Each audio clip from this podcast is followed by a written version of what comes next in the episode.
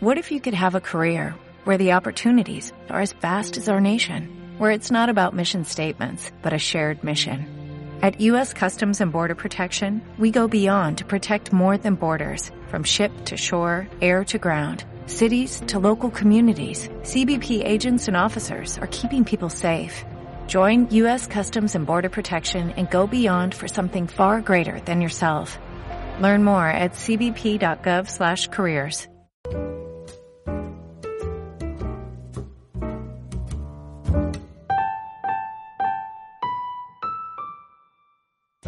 Benvinguts a l'Europa de demà, l'espai pedagògic i de reflexió de la Conferència sobre el futur d'Europa, presentat i editat per Jordi Amat, Gerard Miret i Marc Sant Jaume. Un podcast creat pel món de demà, impulsat per les representacions de les institucions europees a Barcelona i gravat als estudis de la Facultat de Comunicació i Relacions Internacionals Blanquerna. En definitiva, un projecte per pensar el nostre futur. Passa, Gerard, com vas? Bé, Jordi, tot bé. Avui ens toca parlar de drets i valors a la Unió Europea. És, és un tema infinit eh, i les temptacions de plantejar-ho eh, en termes eh, filosòfics són enormes i com que nosaltres no en sabem eh, ho haurem de fer d'una altra manera malgrat que després tindrem un filòsof Mm -hmm. eh, que és el professor Torralba que parlarà amb el Marc Sant Jaume i que crec que encararà eh, la conversa cap a l'àmbit natural on es parla eh, dels valors. Nosaltres ho fem eh, d'una manera diferent eh, i tu, quan preparaves el guió, em sembla que has encertat del tot eh, a l'hora d'escollir el personatge que més ens ajuda a parlar de, dels valors europeus i la Unió Europea, que és l'Angela Merkel. No, no, no sé si eh, tu tens eh, aquest record, però quan hi ha la crisi del 2008, eh, Merkel pel que fa a la percepció que en té una part de la ciutadania europea, surt com la dolenta de la pel·lícula. Mm -hmm. No? Era el, el, uh, ella era com la responsable uh, de la imposició d'unes retallades als països del sud per poder-los ajudar amb la crisi del deute. Llavors, diguéssim, aquesta idea de severitat uh, alemanya que imposava per la força uh, bueno, el, la rescisió dels contractes socials a alguns països del sud del continent, e, ella ho encarnava. Uh, I uh, aquesta imatge negativa des de la nostra òptica, uh, malgrat que uh, l'austeritat no, no és un valor negatiu en ell mateix, aquesta imatge canvia uh, quan es produeix la crisi dels refugiats de fa uns anys i ella adopta un paper gairebé maternal com si uh, assumís exageraré, eh? però com si, com si fes uh, de mare d'Europa s'encarés els dimonis del seu país i davant d'aquella tristesa que avançava eh, pel, pels camps del centre del continent i s'acostaven cap a Berlín, eh, ella pren una posició, al meu entendre, això és una opinió, però crec que podem convenir que una posició exemplar eh, respecte al, al compromís ètic eh, del projecte europeu amb els ciutadans i la disposició a acollir, eh, que li porta a dir eh, l'expressió de que podem fer-ho, Mm -hmm. podem Sí. assumir eh, l'acollida dels, dels refugiats, i des d'aquell moment, probablement Merkel ja era el, el, el personatge eh, més influent dels darrers anys en el projecte de construcció europea, però des d'aleshores ho és indiscutiblement, i de fet les expectatives que ella deixi de d'estar en primera línia eh, són un, com un motiu de preocupació sobre el, sobre el projecte europeu. No? I, però sí que crec eh, que aleshores, en aquell context, i des d'aleshores fins ara, en més d'un moment ella ha actuat com a brúixola moral del, del projecte europeu. Sí, exacte. De fet, no podem dir amb precisió absoluta ni amb la veritat absoluta que eh, ella va prendre aquesta decisió a causa de la brúixola, brúixola moral que tu comentaves ara. Eh, de fet, ella, bueno, és, òbviament, prové de tradició luterana, molt, molt arrelada amb ella mateixa. De fet, ella defineix com un compàs interior i una força impulsora. Fos com fos, va ser gràcies a la decisió que ella va prendre que persones com, per exemple, el Mohamed Halak, que és un noi que és refugiat sirià d'Alep, que ara té 21 anys, doncs són persones com el Mohamed que gràcies a aquesta decisió han pogut tenir una vida millor. Una decisió que al final, sembla ser, es va prendre sota un rerefons humà, no rere unes tàctiques interessades per, per obtenir resultats polítics. De fet, per exemple, Mohamed, que va arribar com un menor no acompanyat, actualment està cursant el tercer trimestre d'informàtica a la Universitat de Ciències Aplicades de Westfàlia i si bé és cert que potser el seu cas no és representatiu del més de de 1,7 milions de refugiats que va acollir Alemanya durant el període 2015 al 2019, tampoc es pot dir que sigui un, un cas atípic. Al final, eh, són persones que en un moment molt complicat vam trobar una mà estesa quan potser no se l'esperaven, però en qualsevol cas se la, se la van trobar. És cert, però, que la decisió que va prendre eh, Angela Merkel no van ser tot flors i violes pròpiament, i és que, de fet, la mateixa decisió de, que va prendre Merkel va generar que a Alemanya es produïssin una sèrie de, de reaccions, una d'elles del famós partit d'extrema dreta Alternativa per a Alemanya, que la frase d'Angela Merkel, d'Angela Merkel en què deia que gestionarem aquesta situació, doncs el líder d'Alternativa per a Alemanya, Alexander Gulan, responia amb un no gestionarem això, ho gestionareu vosaltres. Fixa't que hi ha, hi ha una, uh, una tensió molt difícil de resoldre entre aquests valors eh, que associem a la Unió Europea i quan eh, hi ha un xoc de realitat eh, que els posa en risc. No? Això és el que a mi em sembla que es va veure eh, molt clar amb la crisi dels refugiats i que eh, està impactant eh, internament a eh, diversos països quan eh, bueno, una banda és el, aquests eh, valors eh, que fan de la Unió l'espai de drets i llibertats eh, on hi ha més de tot el món, però a la vegada, eh, moltes vegades, aquest espai no va acompanyat de, bueno, de mecanismes per revertir la desigualtat i la gent que sofreix aquesta, bueno, la pèrdua d'estatus o la impossibilitat de guanyar en estatus eh, es, es, es pregunta sobre quin sentit té eh, vincular-se a un projecte que defensa aquests valors quan no és capaç de donar-li benestar. Sí, en, en qualsevol cas, Jordi, jo crec que el cas d'Angela Merkel sí que ens serveix per situar o, o preguntar-nos si existeixen com a tal uns valors pròpiament europeus. Jo crec que en aquest sentit és important la conferència del futur d'Europa perquè ens permetrà a nosaltres com a ciutadans doncs, poder dir què pensem sobre tot aquest assumpte. Per exemple, no? quin paper hauria de tenir, per exemple, per posar pel cas, la religió amb tot això, o on hauríem d'establir, per exemple, uns límits del diàleg, si n'hauríem d'establir, per exemple. Um, jo crec que tot això és, és, és important, sobretot perquè si volem que realment Europa tingui un paper ponderant al món, uh, seria bé saber què volem transmetre i defensar i quines són les causes per les que, vull, per les que volem lluitar i amb quins arguments. I jo crec que amb tot això és interessant que la gent pugui participar, doncs, insisteixo, en la conferència del futur d'Europa a través de la seva plataforma per proposar això, eh, hi ha uns valors europeus com a tals o, o no?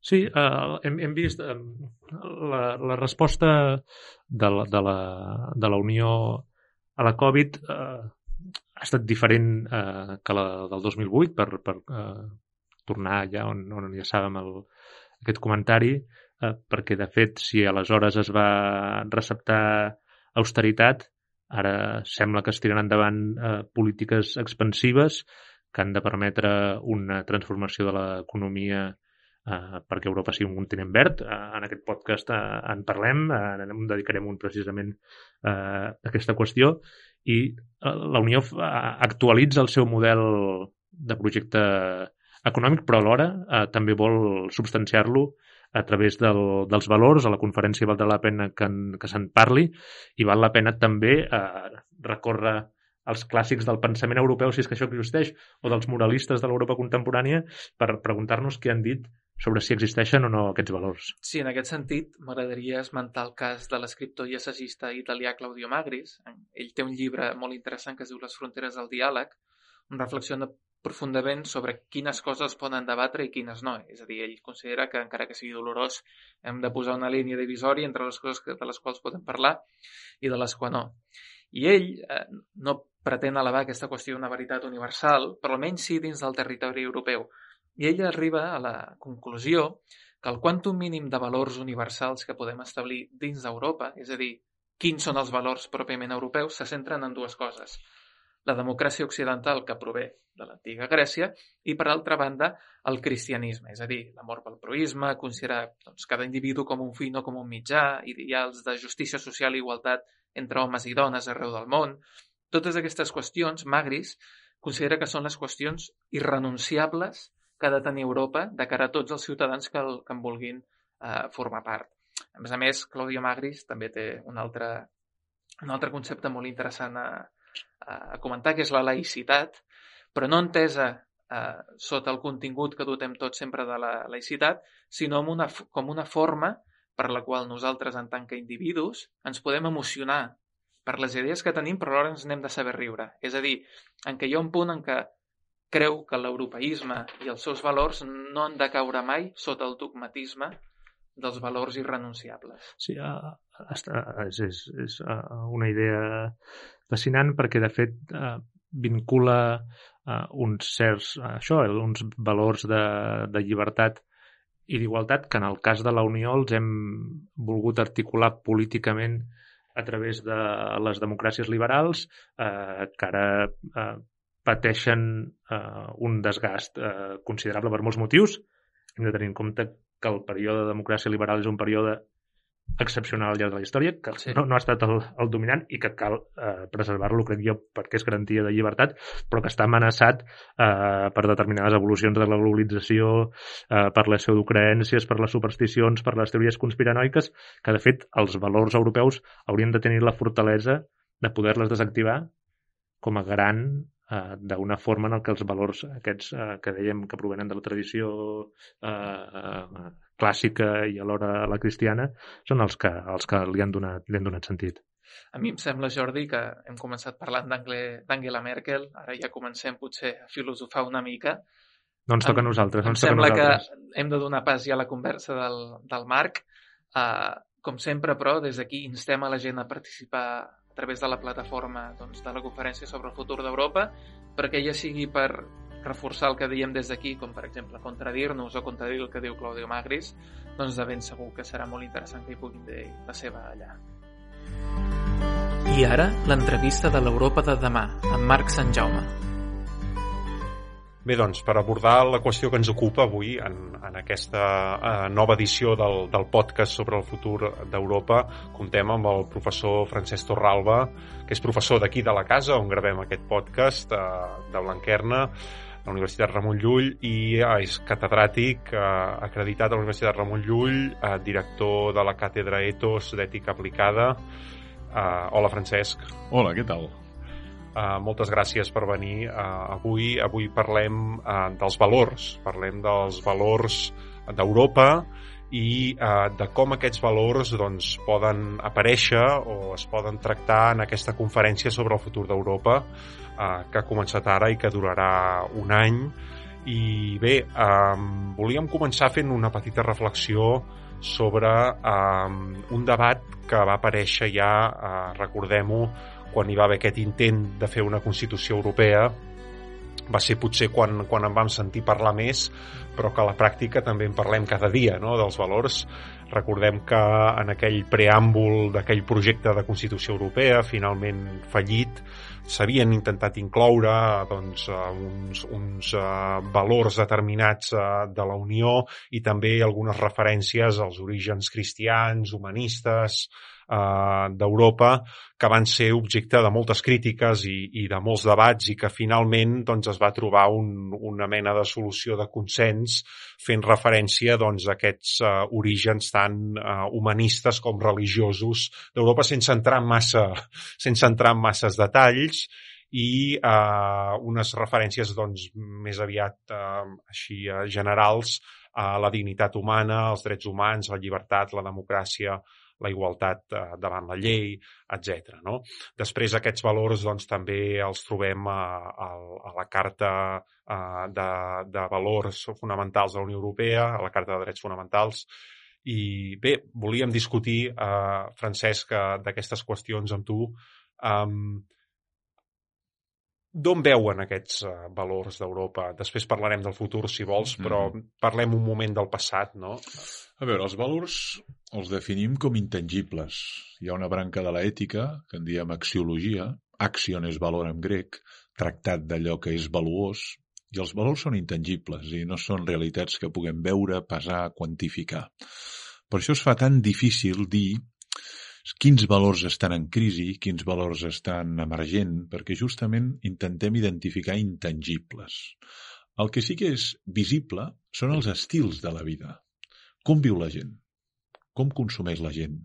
Què fem amb els refugiats? Què fem amb els immigrants? Què fem amb les persones grans? Això sí que és visible. I a partir dels estils de vida podem inferir si hi ha valors com la llibertat, la igualtat, valors com la responsabilitat, valors com l'equitat, però els valors són intangibles. Llavors, si un mira la gènesi d'això que en diem els valors europeus, jo crec que és la suma de tres grans tradicions que donen com a resultat això que en diem genèricament els valors europeus. Jo crec que d'una banda hi ha tot l'univers grecollatí, hi ha molt de grec i de llatí en nosaltres, per tant, Atenes-Roma, per dir-ho amb dues ciutats simbòliques, hi ha la tradició judeocristiana, per tant, hi ha Jerusalem, que vulgues o no, doncs ha deixat un profund rastre en tota la tradició, i qui diu això no només diu judaïsme, sinó cristianisme, islam, eh? les tres religions del llibre. Uh -huh. I després hi ha la il·lustració, eh? Que per dir-ho en dues ciutats doncs podríem dir, escolta, Berlín, l'Aufklärung no? I, i París, no? le siècle, le siècle des Lumières. No? Després hi ha l'Enlightenment no? en el món anglosaxó. Però això fa com una construcció diacrònica d'una sèrie de valors que defineixen aquest territori que en diem Europa i que certament van quedar reflectits en aquest text que tu citaves i que fan d'aquest territori un territori diferent dels altres. Eh? Diferent perquè hi ha una sèrie d'elements que després es palegen les constitucions, que es, es mostren els ordenaments jurídics i que aquests valors es concreten jurídicament. Ara, i acabo aquesta primera pregunta. Això no vol dir que aquests valors que tenen aquesta herència siguin viscuts realment. Eh? ni que siguin viscuts realment per tots els europeus. Eh? Però sí que són la resultant d'aquest procés. I això seria diferent doncs, si estiguéssim al Tibet o si estiguéssim, mm, què sé jo, no? a Eritrea o estiguéssim doncs, a, mm, al Canadà, no? perquè és la resultant d'un procés i per poder construir el futur no pots oblidar el passat, eh? no pots oblidar d'on vens. Per això em sembla important les arrels. Un vol volar de saber d'on parteix, eh? quin és el seu origen, quin és el seu territori axiològic en aquest cas. Seguint, per tant, aquestes tres tradicions que, que comentaves, um, si parlem d'avui, uh, aquest bagatge um, diguem, s'hauria d'institucionalitzar d'alguna manera, és a dir, això ha de formar part de la institució de la Unió Europea d'alguna manera, o eh, el, el, això que deies ara del ciutadà europeu d'avui que, que, que no té per què viure en, en aquests valors, um, diguem, um, n'ha de ser conscient, els ha de conèixer, ha de viure d'acord amb, aquestes, amb, amb aquest bagatge? Jo crec que si realment volem construir una identitat europea, no és només territori, mm, sinó que és també aquests intangibles. Això formen una identitat i, per tant, han de ser expressats, naturalment, en les constitucions, en els ordenaments jurídics i també en els processos educatius dels nois i noies que es formen a Europa. No? Per exemple, el valor equitat. Eh? Valor equitat, legalité, en la Revolució Francesa, per la idèntica igualtat de dignitat entre les persones ja és un principi que està en el judaïsme, està en el cristianisme, està en l'islam eh, els grecs en deien l'isegoria, eh, tenir el mateix valor a l'àgora, eh, isegoria. I és clar, jo crec que això és un actiu molt poderós d'Europa, de, no? I contra això doncs, sabem que hi ha la discriminació, l'elitisme, sabem que hi ha doncs, el classisme, per tant, jo sí que crec que hem de fer un exercici d'educació d'aquests valors, en particular l'equitat, que és un valor noble, i que, si això no s'enfatitza i no se subratlla, és molt fàcil que contravalors com la inequitat, la discriminació, el classisme o l'elitisme vagin guanyant pes. I per tant jo crec que sí, que han de quedar concretats jurídicament, han de quedar expressats en les lleis i han de ser objecte d'un procés educatiu de tots els nens i nenes que es formen en aquest territori i que volem viure respectant la igualtat de gènere, d'ètnia, de tradicions religioses entre les persones, per diferents que siguin. Uh -huh. Perquè t'anava preguntant, ara parlaves d'educació, en, en, en quins mecanismes ha de comptar la Unió Europea per, per, per en cas doncs, de que efectivament aquests valors formin part de la, de la llei, formin part de les normes de la Unió, a, a quins mecanismes ha, ha, ha de fer servir per, per transmetre'ls. No? L'educació seria un... Seria un. Jo crec que n'hi ha dos. Un és el que en diríem pactar uns mínims, és a dir, cada país és distint i a més a Europa almenys hi ha dues grans cultures axiològiques, no? la nòrdica i la mediterrània i també la centroeuropea i això va quedar molt marcat també per les tradicions religioses. És a dir, el món luterà no és el món catòlic. I el món luterà genera un tipus de valors diferents del món catòlic. I això Max Weber ho va, ho va analitzar molt bé. Llavors jo diria que s'han de pactar uns mínims, de dir, escolti, vostè pot ser un danès, vostè pot ser un portuguès, vostè pot ser un italià o vostè pot ser un grec, però els nens que vagin a les escoles de qualsevol país d'Europa han de tenir molt clar que el respecte a l'equitat és indiscutible. És un mínim exigible. És un mínim exigible i que volem viure així eh, independentment de les creences o descreences que tinguin els seus respectius pares. No? Llavors, aquesta ètica mínima em sembla bàsica. Ara, després hi ha un altre element, que és, naturalment, sistemes jurídics que penalitzin formes de discriminació. Per exemple, amb la intel·ligència artificial. Hem fet un pas molt interessant a Europa. Això és futur ja, no? Que no ha fet ni la Xina i que no ha fet els Estats Units. Que és dir, escolti, això que canviarà el futur dels sistemes de producció, els sistemes de consum, els sistemes de, mm, de rastreig de les persones, la manera de funcionar en salut, que és la intel·ligència artificial, no volem que tingui biaixos, que els algoritmes no tinguin biaixos de gènere. No? I, per tant, anem a fiscalitzar com són aquests algoritmes i que no siguin opacs, sinó que siguin intel·ligibles i que puguem veure si hi ha certament un biaix que s'afavoreix un gènere per sobre de l'altre. Uh -huh. Bueno, això és una iniciativa de futur, s'ha pactat a Europa, ara veurem com es concreta, però vol dir no ho deixarem només a la lliure decisió d'enginyers que a partir de les dades, no, Big Data, arriben a unes conclusions, sinó que volem que no siguin discriminatoris aquests processos. Per tant, hi ha d'haver educació i hi ha d'haver sistemes de penalització de formes de discriminació.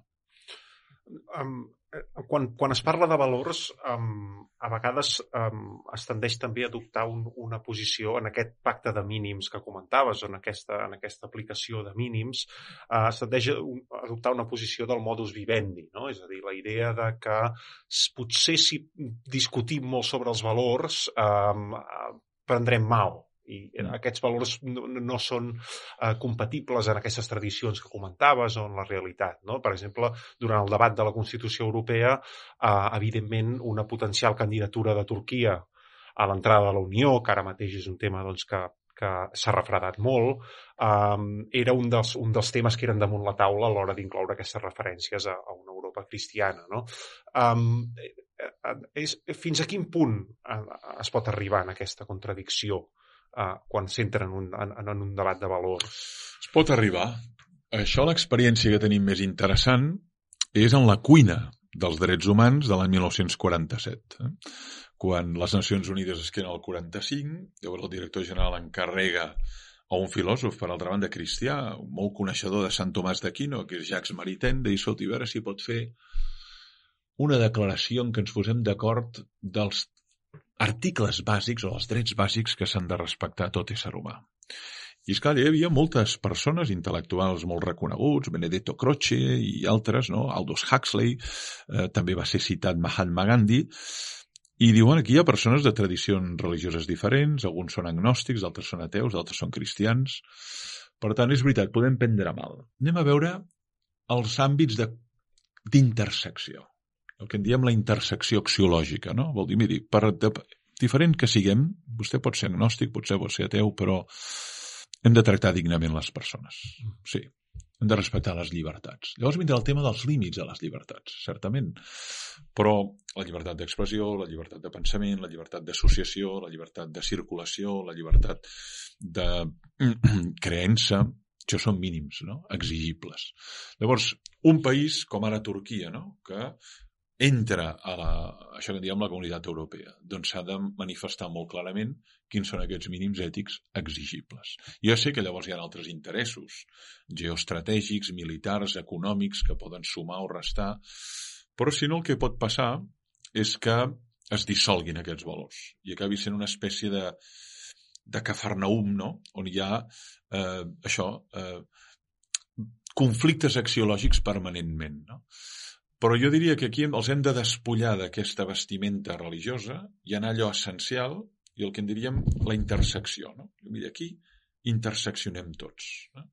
Si fem aquest esforç, és possible que un danès, un napolità, un sevillà i un grec diguin no, no, amb això estem d'acord, encara que vostè és luterà, vostè és devot de la Virgen del Rocío i vostè, doncs, eh, què sé jo, forma part de la camorra, no? Però podem estar d'acord. I mira que són diferents, eh?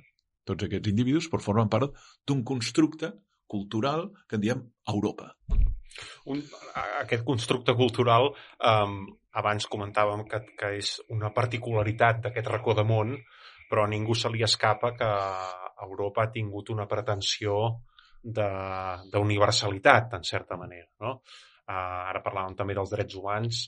Han, han, aquests valors han, han d'aspirar a, a, ser, a ser uns valors exportables en aquesta vocació que, que havia tingut Europa, mm. tradicionalment de ser un far al món, etc, o s'hauria d'assumir en canvi, una certa doncs, uh, particularitat continental europea, o com se n'hi mm -hmm. vulgui dir d'aquests valors.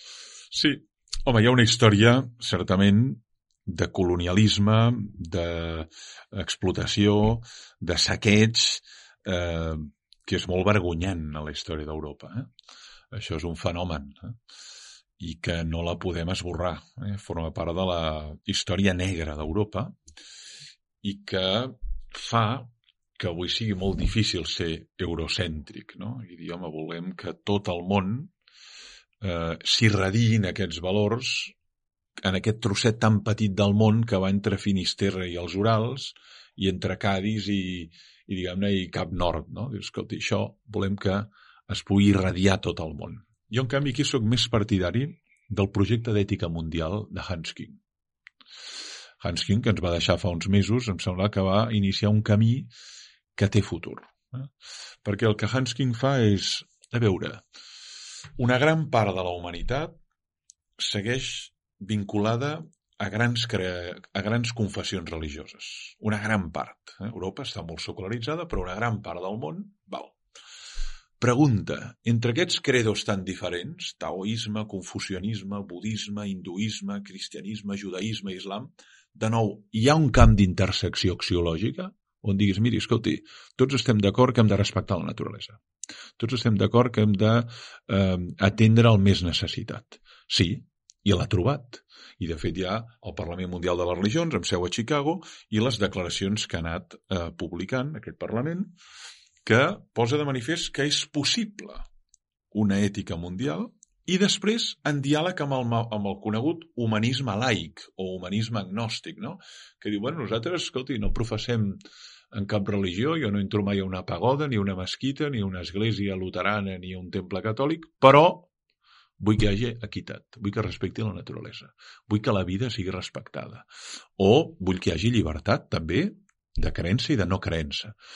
Per tant, jo no crec que Europa hagi de ser el far, però sí que ha de contribuir amb els seus propis valors, a generar aquest camp d'intersecció. I aquí no podem excloure grans tradicions de la Xina o grans tradicions de l'extrem orient i sucumbir de nou en aquesta altisonància eurocèntrica de dir, bueno, tu què m'has d'ensenyar, que és aquest paternalisme que eh, s'ha exercit durant molt de temps no? i que ha avalat el colonialisme. Eh? Per exemple, en el món britànic quan entra la Índia, no? Diuen, nosaltres us ensenyarem com us heu de portar. Escolti, nosaltres tenim una tradició de més de 4.000 anys aquí, no? Nosaltres us, hem de, us ensenyarem com heu de practicar la compassió. Escolti, nosaltres som budistes, des del segle V abans de Crist que tenim la compassió com a valor fonamental. Què ens ha d'explicar vostè, no? Per tant, això generant moltes animadversions, però ara ve l'altra situació, no? que és aquest avergonyiment europeu, aquesta contracció, aquest empatitiment i aquesta mena de complex de dir ara nosaltres no podem irradiar, no? Podem entrar en el concert i dir, nosaltres aquests són els valors que considerem que s'han de globalitzar. I vostès quins creuen? I anem a veure quin camp d'intersecció podem fer. Uh -huh. Uh -huh. Això és el que va fer Hans King, després ho han fet d'altres, o paral·lelament, Johann Baptist Metz, i jo crec que és un inici que potser amb temps pot donar fruit. Hi ha molts obstacles i dificultats, però s'han identificat aquests valors comuns. I això és molt valuós, perquè generalment només fixem les diferències, no? Vostè va a la mesquita el divendres, vostè, en canvi, va a la sinagoga el dissabte, vostè no menja porc, jo sí. Bueno, i què ens uneix? Quin tipus de valors de fons ens uneix més enllà de les legítimes diferències rituals, eh, indumentàries, gastronòmiques, que n'hi ha i que són moltes i que s'han de respectar, però què ens uneix més enllà d'això? Amb, a, a l'agenda que, a l'agenda que impulsa aquesta conferència sobre el futur d'Europa hi ha una doble transició que és fonamental eh, per l'agenda també de la Comissió Europea que són la transició eh, verda o la transició climàtica i la transició digital. Si ens projectem cap al futur, quins, quins seran els valors, o, o quins, quin, de tots els valors que podríem imaginar, quins són candidats a ser protagonistes eh, sí. d'aquest futur proper? Un, per mi, és clau, que és la ecosensibilitat, que aquí podem trobar arrels des del Gènesi, judaïsme, fins a Sant Francesc d'Assís, cristianisme, fins a, a plantejaments, diguem-ne, ecologistes contemporanis que s'inspiren doncs, en l'hinduisme. Eh? Per tant, aquí, per mi, hi ha fonts d'inspiració molt diverses i no exclusivament, uh -huh. no exclusivament europees, no? que en el fons és el deure de respectar l'entorn, el deure de viure harmònicament amb la naturalesa, el deure d'una vida sòbria, austera, el deure de reciclar, el deure de poder preservar això que tenim per les generacions futures, pels nostres fills i pels nostres nets. I jo crec que aquí eh, podríem extreure aquest, aquests valors de tradicions mm, religioses i filosòfiques molt diferents, començant per l'extrema l'extrem orient amb Xina i fins a tradicions indigenistes de, de l'Amazònia. Eh? Per tant, aquí, i, per, i passant per Sant Francesc d'Assís. Per tant, un aquest. I això voldrà dir processos educatius molt intensos, lleis molt estrictes en les ciutats per reduir els efectes de la contaminació i dels, sobretot de la petjada de carboni i per evitar el col·lapse. Això no serà fàcil perquè eh, tenim unes inèrcies a l'hora de consumir, a l'hora de produir, a l'hora de desplaçar-nos, i que ens diguin, doncs ara, miri, 30 km per hora per la ciutat. Doncs ara eh, els cotxes amb, amb, que emeten diòxid de carboni desapareixeran el 2030 i, per tant, bicicleta, eh, energia elèctrica, això no serà fàcil, eh? I, per tant, hi haurà d'haver també sistemes penals i incentius per a aquells que ho fan, eh? com sempre. Eh? Reforç positiu i reforç negatiu. I pel que fa a la transició digital, jo crec que aquí podem fer una transició digital que no sigui salvatge i que no sigui eh, anàrquica, no? sinó que tingui uns paràmetres de responsabilitat i de respecte. D'una banda, per exemple, l'equitat. Que no hi accedeixin només uns, sinó que pugui haver-hi un accés universal a la transició digital i no anem amuntegant en alfabets digitals que quedaran en els marges de l'activitat laboral, de la vida social, en els marges. No? Això té a veure amb l'equitat, de dir sí a la transició digital, però fem possible que tots puguem transitar uh -huh. cap aquí. I aquí queda molt a fer. Ho hem vist ara amb la, amb la pandèmia, no? Alguns països se n'han sortit perquè hi havia, doncs, uns sistemes digitals, hi havia uns ordinadors, hi havia que han pogut arribar a molta població, però d'altres han perdut el curs, no hi ha hagut manera, i també a casa nostra. Per tant, vol dir que és transició digital sí, però equitat, responsabilitat, i després valorar la despesa energètica d'això. Perquè, clar, dius dues transicions, però la pregunta és una, neutralitzar l'altra, és a dir, eh, sí a la transició ecològica, però si la transició digital comporta un tipus de despesa energètica, un tipus de contaminació, llavors és una contradicció, no? Ara, si per altra banda ens ajuda a no desplaçar-nos tant, a que poblets de ara inhabitats doncs hi hagi eh, banda ampla i la gent pugui anar a treballar allà i tingui fills allà, diràs, ah caram, això ens està sortint bé. perquè evitem la massificació a les metròpolis, perquè no hem d'entrar cada dia a les grans ciutats contaminant, però aquí hi ha molta feina a fer. Ara això és un horitzó bonic pel 2030, o potser fer abans, no? I evitaríem el fenomen de els països deshabitats, la, especialment en el món rural. A casa nostra és un exemple claríssim. Espanya també en particular. Eh? Molt bé. Uh, Francesc Torralba, professor a la Universitat Ramon Llull, director de la Càtedra ETOS, moltíssimes gràcies per ser avui a aquest podcast. Gràcies, Francesc. Doncs gràcies a tu i ànim. Fins la propera. Adéu-siau. Això ha sigut l'Europa de demà. Us esperem, com sempre, la setmana que ve per reflexionar sobre el nostre futur.